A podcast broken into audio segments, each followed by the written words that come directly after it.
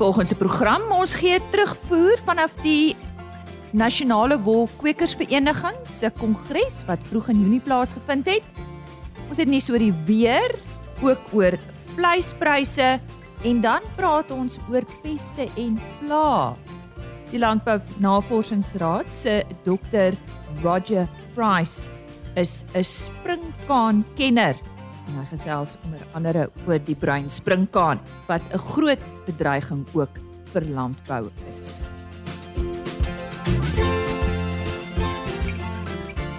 Dis op RC Landbou vir oggend. My naam is Lise Roberts. Hartlik welkom by vandag se program.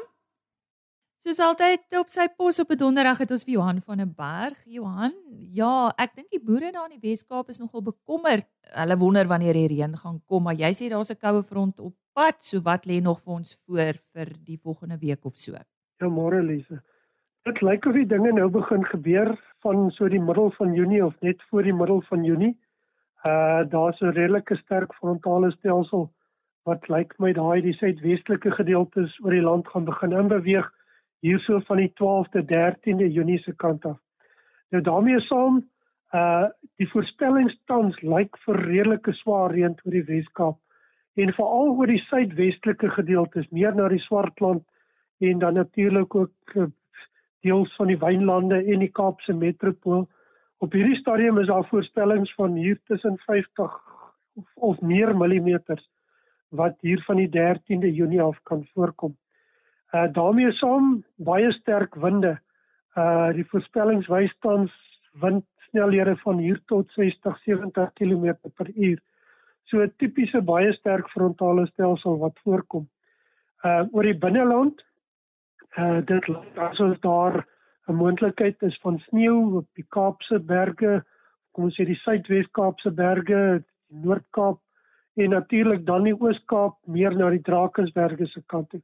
So daar's ook 'n kans vir ligte reën, sneeu, wind uh, en baie koue toestande. Ons sien temperature gaan lyk like my hier -5, -7 grade word hier in die Oos-Kaap veral.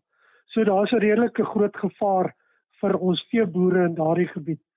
Ehm um, wat die res van die land betref, nie veel reën nie. Ehm um, dit die temperature gaan natuurlik skerp daal hierso van die middel dan as die koue front deurkom.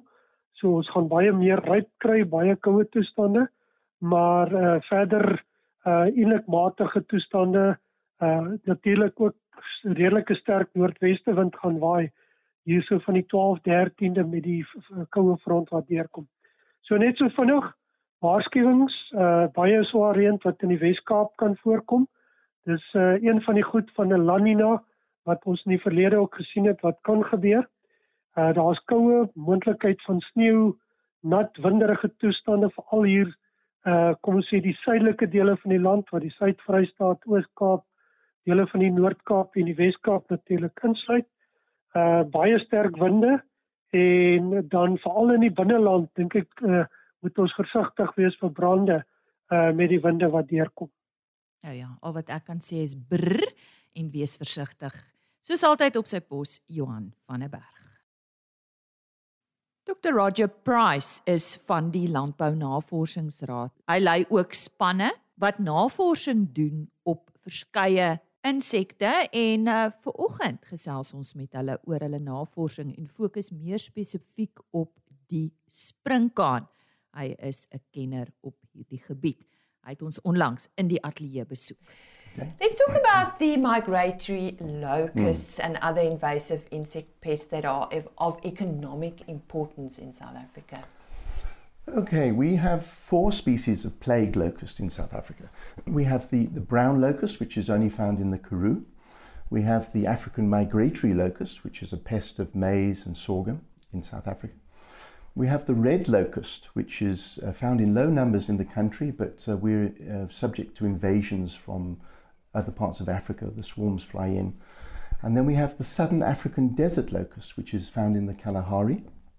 And that is a subspecies of the North African desert locust, which caused all the, the problems recently in Kenya. Mm-hmm. Uh, but that, that locust doesn't swarm, uh, it's just of novelty value. But uh, we have, anyway, four species of plague locusts.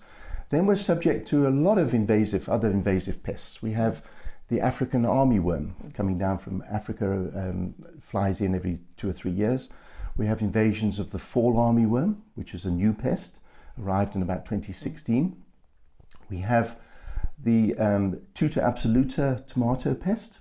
We have uh, various species of invasive fruit flies, of which the Asian fruit fly is the most uh, important. So, being part of you know the invasive pests do get into the country through the quarantine. They break through the quarantine uh, uh, borders. They just fly in, like the fall armyworm flew in. In the billions of moths flew in. So we, we, we have to live with what what's what what we have.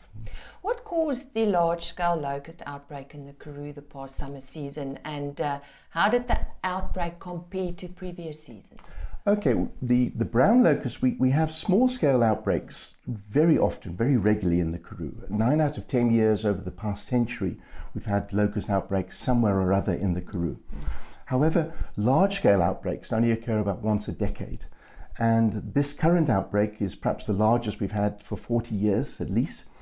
And that occurred because of a, a good drought breaking rains after, after a long series of drought in the Karoo and the locust numbers built up slowly but surely over vast areas, over 250,000 square kilometers sure. of semi arid Karoo. Mm.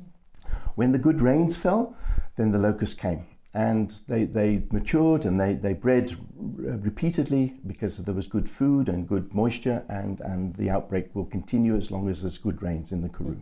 And I believe we've got another year coming for good with good rains. Yes, it's all to do with the uh, Southern Ocean oscillations and El Ninos and La Ninas and whatever, mm. so it's all connected. So what damage do they cause and how can we control them more effectively?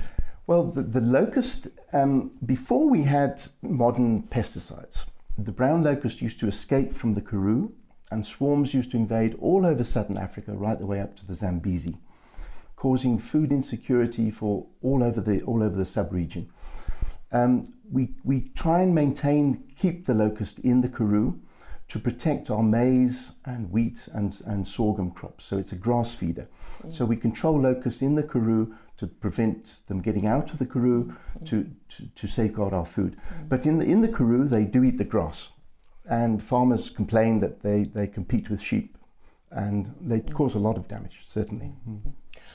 Let's talk about the spraying, the mm. environmental impact of the locust spraying, and are there any other benefits provided by the locusts? Well, the, the spraying is a concern. Mm. Um, we're using the most modern pesticides we, we, we can, can afford at the moment. Um, we, we have switched to, to these modern synthetic pyrethroid pesticides, which are far safer than the organochlorine and the organophosphate pesticides used in the 80s and 90s, um, which caused a lot of uh, mortalities of mammals and birds. So the insecticides we use at the moment are far safer, but they're still, they're still pesticides. Mm they, they kill um, a, wide range of, of insect um, organisms throughout, throughout the Karoo. So, so if we're only spraying small areas, then, then there is a rapid recolonization of those plots. But if we're spraying large areas, then the recolonization will be a far slower. And because the Karoo is a unique uh, habitat, a unique biome, um, we, we, there is a concern about the regular spraying of, of locusts, mm-hmm. yes, certainly. Mm-hmm. And the how and the when is also important. How and when, yes. It, it's, it's, uh, if, if the, the uh, locusts are sprayed uh, at, at, a critical time of the year when, when, other, when other insects are breeding, then yes, it'll, it'll have a big impact, mm-hmm. certainly. And then it has an impact on the lizards and the mammals that feed on, the, on those insects. Mm-hmm. So we're not sure of the in, in exact environmental impact, but all we know is that um, it, it's, it's safer than, than it would have been using the older style pesticides. Roger, let's move mm. away from the locust and uh, talk about the recent invasion of new insect mm. pests and, of course, mm. the economic damage. Yes, the, the new insect pests. Wow, we, we've had, uh, everybody knows about the invasions of the fall armyworm. Mm. Which is uh, from Central and South America, and it arrived in South Africa in January 2017 and is now endemic to the country. It is settled here, it's not going to go away. It doesn't impact the commercial farmers so much because they're using, um, they can spray and they, they've got uh, uh, genetically modified maize. But it has a severe impact on the smallholder farmers that are using traditional pollinated maize. Uh, we have another pest, uh, the Tuta absoluta, mm. which is the tomato pinworm. That arrived in 2016, and that is having a devastating effect uh, on tomato production, especially with smallholder farmers. Mm. We have to spray more and more and more, and uh, it's going to lead to resistance buildup. And then we have other pests such as the Asian fruit fly that arrived in 2010, and that is a major worry as well. Mm. Now we need advice from you. How can farmers control these pests? What is your advice? Well, well, controlling the pests is is is rotate the, the pesticides used. Commercial farmers or farmers that can have access to pesticides and have access to information and technology, we must be very careful that we don't cause insecticide resistance buildup. Mm-hmm. That is critical. So at the moment, it, the advice is to rotate the pesticides according to the, the guidelines given by government and to, to, to, to ensure and to monitor the pests, do monitoring and know when your pest thresholds are. So it's no point spraying just because it's a Tuesday and you spray. You've got to know what the numbers of pests are in your crop before you, you have that critical threshold. We're most worried about the smallholder farmers, that thousands and thousands of smallholder farmers that are going to be driven out of business. They, they have small areas of land. They, they don't have the resources and the finance to afford the, the pesticides. They often don't have access to information and technology. And they, they, they're not diversified. They, they plant maize or tomatoes, or they, they don't have a range of things to, to, to back themselves up if there's a hard time. So the, the resilience of those farmers is, is at risk. And that is what we're most concerned about is, is, the, is mm-hmm driving small scale farmers mm. out of business because the, the, the invasive pests are the last straw. Mm. And that, that is, happens all over Africa. Mm. And uh, the locusts were the last straw to a lot of farmers in Kenya. And tuta and full armyworm and possibly locust here. Mm. And, and, the Asian fruit fly will be the last straw here. Unless we, unless we support farmers more effectively. En so sê Dr Roger Price en hy is van die Landbou Navorsingsraad. Ons gesels nou oor 'n veiling en dit is eerskomende Saterdag die 11de Junie. Dit is die Molopo Ilde Frans 16de produksieveiling en op die lyn het ek vir Willie Oosthuizen. Willie sê my nou eers, waar boer julle? Uh, ons is hier in Noordwes in Vryburg omgewing. So 20 km noord van Vryburg, Botswana se kant. Dit is waar ons geleë is. En wat is julle doel met hierdie veiling? Ehm um, Lisa, die doel met die veiling, soos jy nou gesê het, is die 16de jaar wat ons die veiling aanbied en dit is om goeie genetiese materiaal aan stoet sowel as kommersiële teelers beskikbaar te stel. Hmm. Nou vir die uh, luisteraars wat nie weet nie, Ilde Frans, dit is 'n skaapras. Is jy nog altyd betrokke by die ras? Ja, ja, ek is ek is dis nou ek het weer oud te teelery heidaglik in die genootskap en uh ons boer al van die 80er jare af met die Oudefranse. Mm. En wat is op aanbod tydens hierdie veiling? Lisa, ons gaan so 45 ramme aanbied waaronder 'n uh, eh, onder andere 'n uh, eh, kuddevars so 2 of 3 sal wees en dan so in die omgewing van 50 geregistreerde stoetwye in alle stadiums van produksie, paar net lammers, dragtige oeye en paar jong ooetjies en dan die kommersiële oeye ehm um, hulle gaan seker so in die omgewing van 120 wees ook in alle produksiestadiums. Hmm. En hoe word die veiling aangebied, Willie? Het jy 'n aanlyn opsie ook? Lisa, ons het ons het die nie 'n aanlyn opsie nie. Ehm um, maar die veiling word lewendig by ons op die plaas Saterdagoggend 11:00 aangebied, maar as daar teelers is of ehm um, potensiële kopers wat belangstel, kan hulle ons skakel. Ons het nommers um, wat gebruik kan word om vir hulle te bi oor die telefoon. Hmm.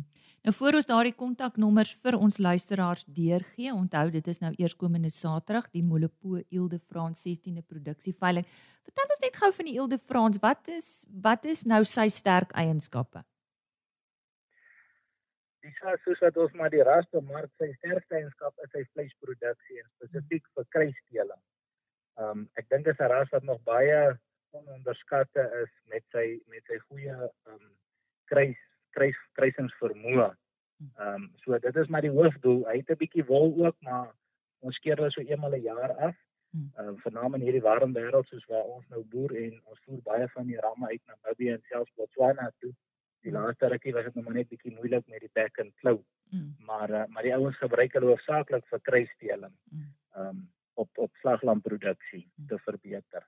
Nou jy sê die veiling word aangebied Saterdag om 11:00 op die plaas. Presies waar is dit en wat is die naam van die plaas? Lisa, dis Boereplaas vakansieoord. Ehm um, dis 20 km buitekant Vryburg op die Stella Mafeking pad. Hmm. Ehm um, die hoofroete na Botswana toe. Dis by die vakansieoord. Die skape is daar en daar's verblyf en ons gaan sommer net lekker veiling en lekker kuier daar so die hele naweek. En dit word aangebied deur Noord-Kaap Lewende Hawe, is ek reg? Ja, dis reg, Hmm. Noord-Kaap Lewenhaal van Vryburg ja. Goed. Uh miskien moet jy vir ons kontaknommers gee, maar nie te veel nie want dit is bietjie moeilik om dit af te skryf. So miskien moet jy dalk so een of miskien twee uitsonder. Hulle kan seker maar vir Noord-Kaap Lewende Hawe ook skakel as hulle meer besonderhede soek. Ja, dis reg. Hulle kan Noord-Kaap Lewenhaal skakel. Hmm. Ehm um, ek het nou net nie by my nommer van Noord-Kaap. Nee, nie, ek andersins gee gee jou nommer. Ek dink ons kan Ek gaan- Goed. gaan My nommer gee dis 082 452 1520.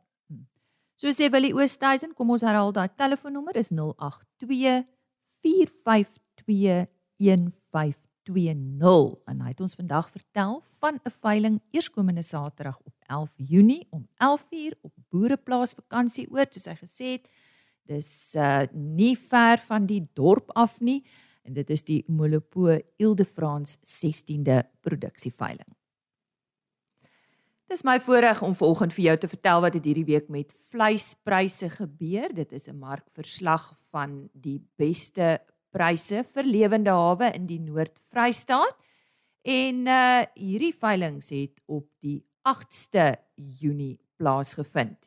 Speenkalvers onder 200 kg R40.11. Tussen 200 en 250 kg R38.22 oor 250 kg R36.04. A-klas R34.1, B-klas R26.07. Vetkoeie R25.17 en maarkoeie tussen R18 en R21.50. Slagbulle R25.33. Vanaf die skaapmark, stoorlammers R55, slaglammers R43.77, stoorskape R39.55 en vetskape R36.08. Vanaf die bokmark vir lammers R61.44 en ooe R45.55. Indien jy nog inligting benodig, besoek gerus www.vleisprice.co.za of skakel vir Chris Derksen by 082 807 5961. Die Nasionale Wolkwekersvereniging se nasionale kongres het op 1 en 2 Junie daar op uh, Port Elizabeth of Kebega plaasgevind. Ons medewerker in die Oos-Kaap Karen Venter het hierdie geleentheid bygewoon en Isak Staats van BKB Wol en Bokhaar is eerste vanoggend aan die woord en hy was ook een van die sprekers by die kongres en Karen na afloop van die geleentheid met hom gesels. So ek dink die wolbedryf in Suid-Afrika is op 'n op 'n interessante plek, 'n ongemaklike plek, maar interessant. Ehm um, hier's 'n hier's 'n ons kan nie wol uitvoer na China toe op die oomblik nie. En hulle is 87-80% van ons mark in Suid-Afrika, so ons is besig om veiling te hou teen met 70% van ons mark wat dit eenvoudig nie kan koop op ons veiling nie. En ek dink ten spyte daarvan is ons besig om wol te verkoop. So ons ons verkoop omtrent 80-90% van die wol wat ons aanbied op hierdie stadium wat maar net vir ons sê dat dat daar is 'n mark vir ons wol. Ehm um, die Europeërs is besig om lekker te koop. En ek dink dis baie goeie nuus. Ehm um, en ek dink dit dit plaas ons ook weer dit gee ons 'n nuwe verantwoordelikheid om nuwe markte te gaan soek vir vir Suid-Afrikaanse boere se wol. So gelukkig is ons baie goed geposisioneer met met uh, gesertifiseerde wol. Ons is die grootste verskaffer van gesertifiseerde wol in die wêreld. En ek dink die harde werk wat ons die afgelope 5, 7 jaar gedoen het om om wol te sertifiseer en die, die storie van Suid-Afrikaanse boere te vertel is besig in in krisistye is hierdie besig om ons dividende te betaal. So en ek dink dis iets wat ons gaan moet uitbrei. Dit gaan 'n absolute mark vereiste raak in die toekoms in. Ehm um, daar is 'n lekker mark in Europa, maar hy vra baie meer vrae. En ek moet sê ek is nogal ek is versigtig optimisties daaroor. Dit gaan baie meer werk vat en niks is maklik nie. Maar ek dink daar is 'n plan en daar is 'n toekoms. Right Isak en dan sal 'n mens graag wil weet wat is die mark vir die wolboere in Suid-Afrika? Uh waarna toe mik hulle? So die die wolboer se mark in Suid-Afrika is is die brands, die die retailers, die mense wat besig is om ons wol te verkoop in klere aan aan aan verbruikers reg oor die wêreld. En hierdie ouens het almal vreeslike groot ehm um, commitments gemaak aan hulle aan hulle rade in terme van volhoubaarheid. So en dis en dis ons kliënte. Ons kliënte wil weet hoe hoe volhoubaar produseer ons ons wol? Wat is ons koolstofvoetspoor? Ehm um, hoe goed is ons vir die omgewing? En ek dink hierso sit ons in Suid-Afrika met 'n ongelooflike geleentheid. Ons boere uit uit uit uit hulle boerdery praktyke uit vir die vir, vir ons boere om te oorleef, moet hy volhoubaar boer. Ehm um, en ons is besig om om hierdie in 'n in 'n oordentlike sertifisering, 'n wetenskaplik gebaseerde sertifiseringsskema in te skryf. En ek dit maak my baie opgewonde dat dat ons hierdie ding, dis net nog 'n storie wat ons gaan vertel in die wêreld oor oor wat Suid-Afrikaanse wolboere doen en hoe goed hulle is. Isak, ek het 'n voeltjie gehoor vlei dat Australië kort op ons hakke is wat die RWS standaarde betref. Is dit regtig so? Australië is verseker besig om ons in te haal. Ehm um, die premies wat ons wat ons kry op hierdie stadium is geweldig. Dis dis eintlik buitensporige groot premies. En dit het die Australiërs laat wakker skrik. En jy weet en ek dink altyd effort volg maar geld, nê. Nee. En uh, so hulle is besig om baie en omdat hulle so groot is, kan hulle baie maklik baie meer wol as ons produseer so in in, in gesertifiseerde skemas. Ons is nog steeds die grootste gesertifiseerde verskaffer in die wêreld. Maar die Australiërs kom by en dit beteken ons gaan moet begin met die volgende ding. En as iemand met jou wil gesels, waar kan hulle jou in die hande kry? Welkom om my te kontak op 082 495 0628. En so sê Isak Staats. Professor Johan Kirsten was die hoofspreker tydens hierdie kongres.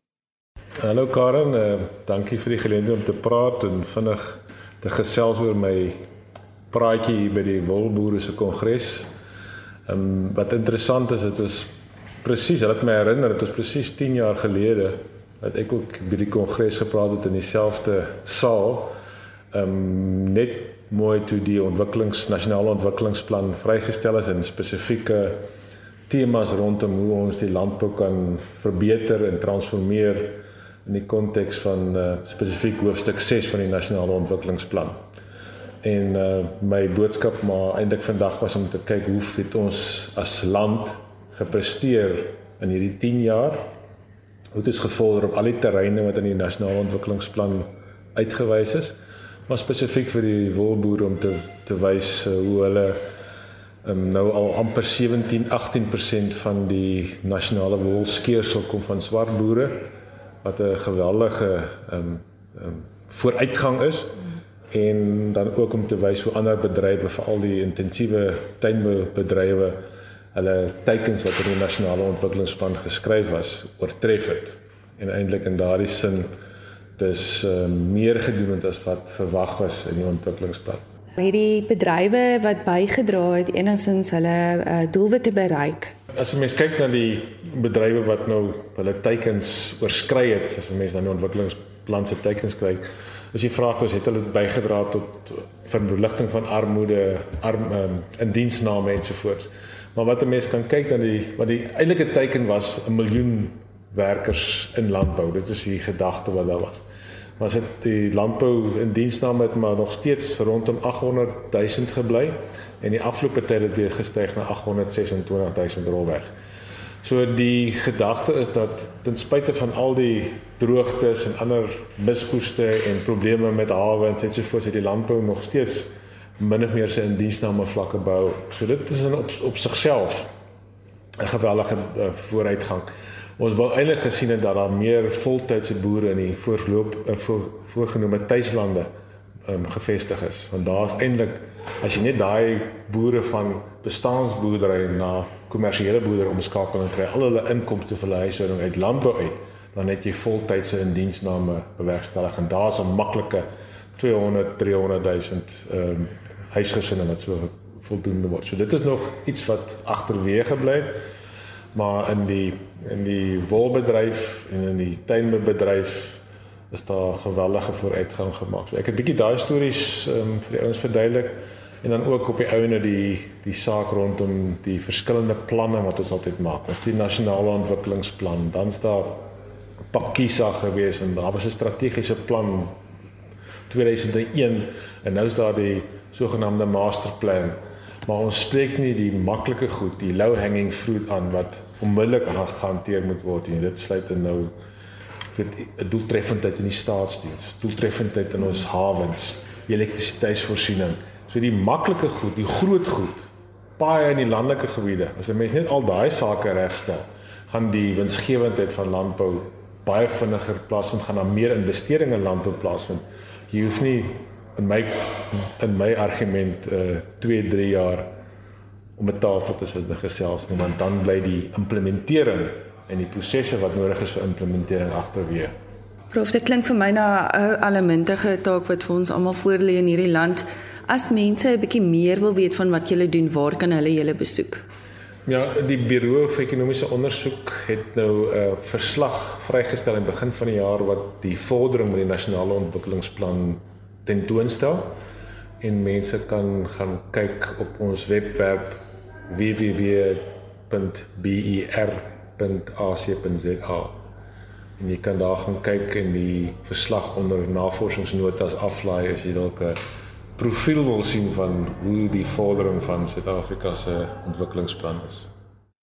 Professor Johan Kirsten, hy is van die Buro vir Ekonomiese Navorsing en hy was die hoofspreker by vanjaar se Nasionale Wolkwekersvereniging Kongres wat op 1 en 2 Junie daar op Port Elizabeth gehou is.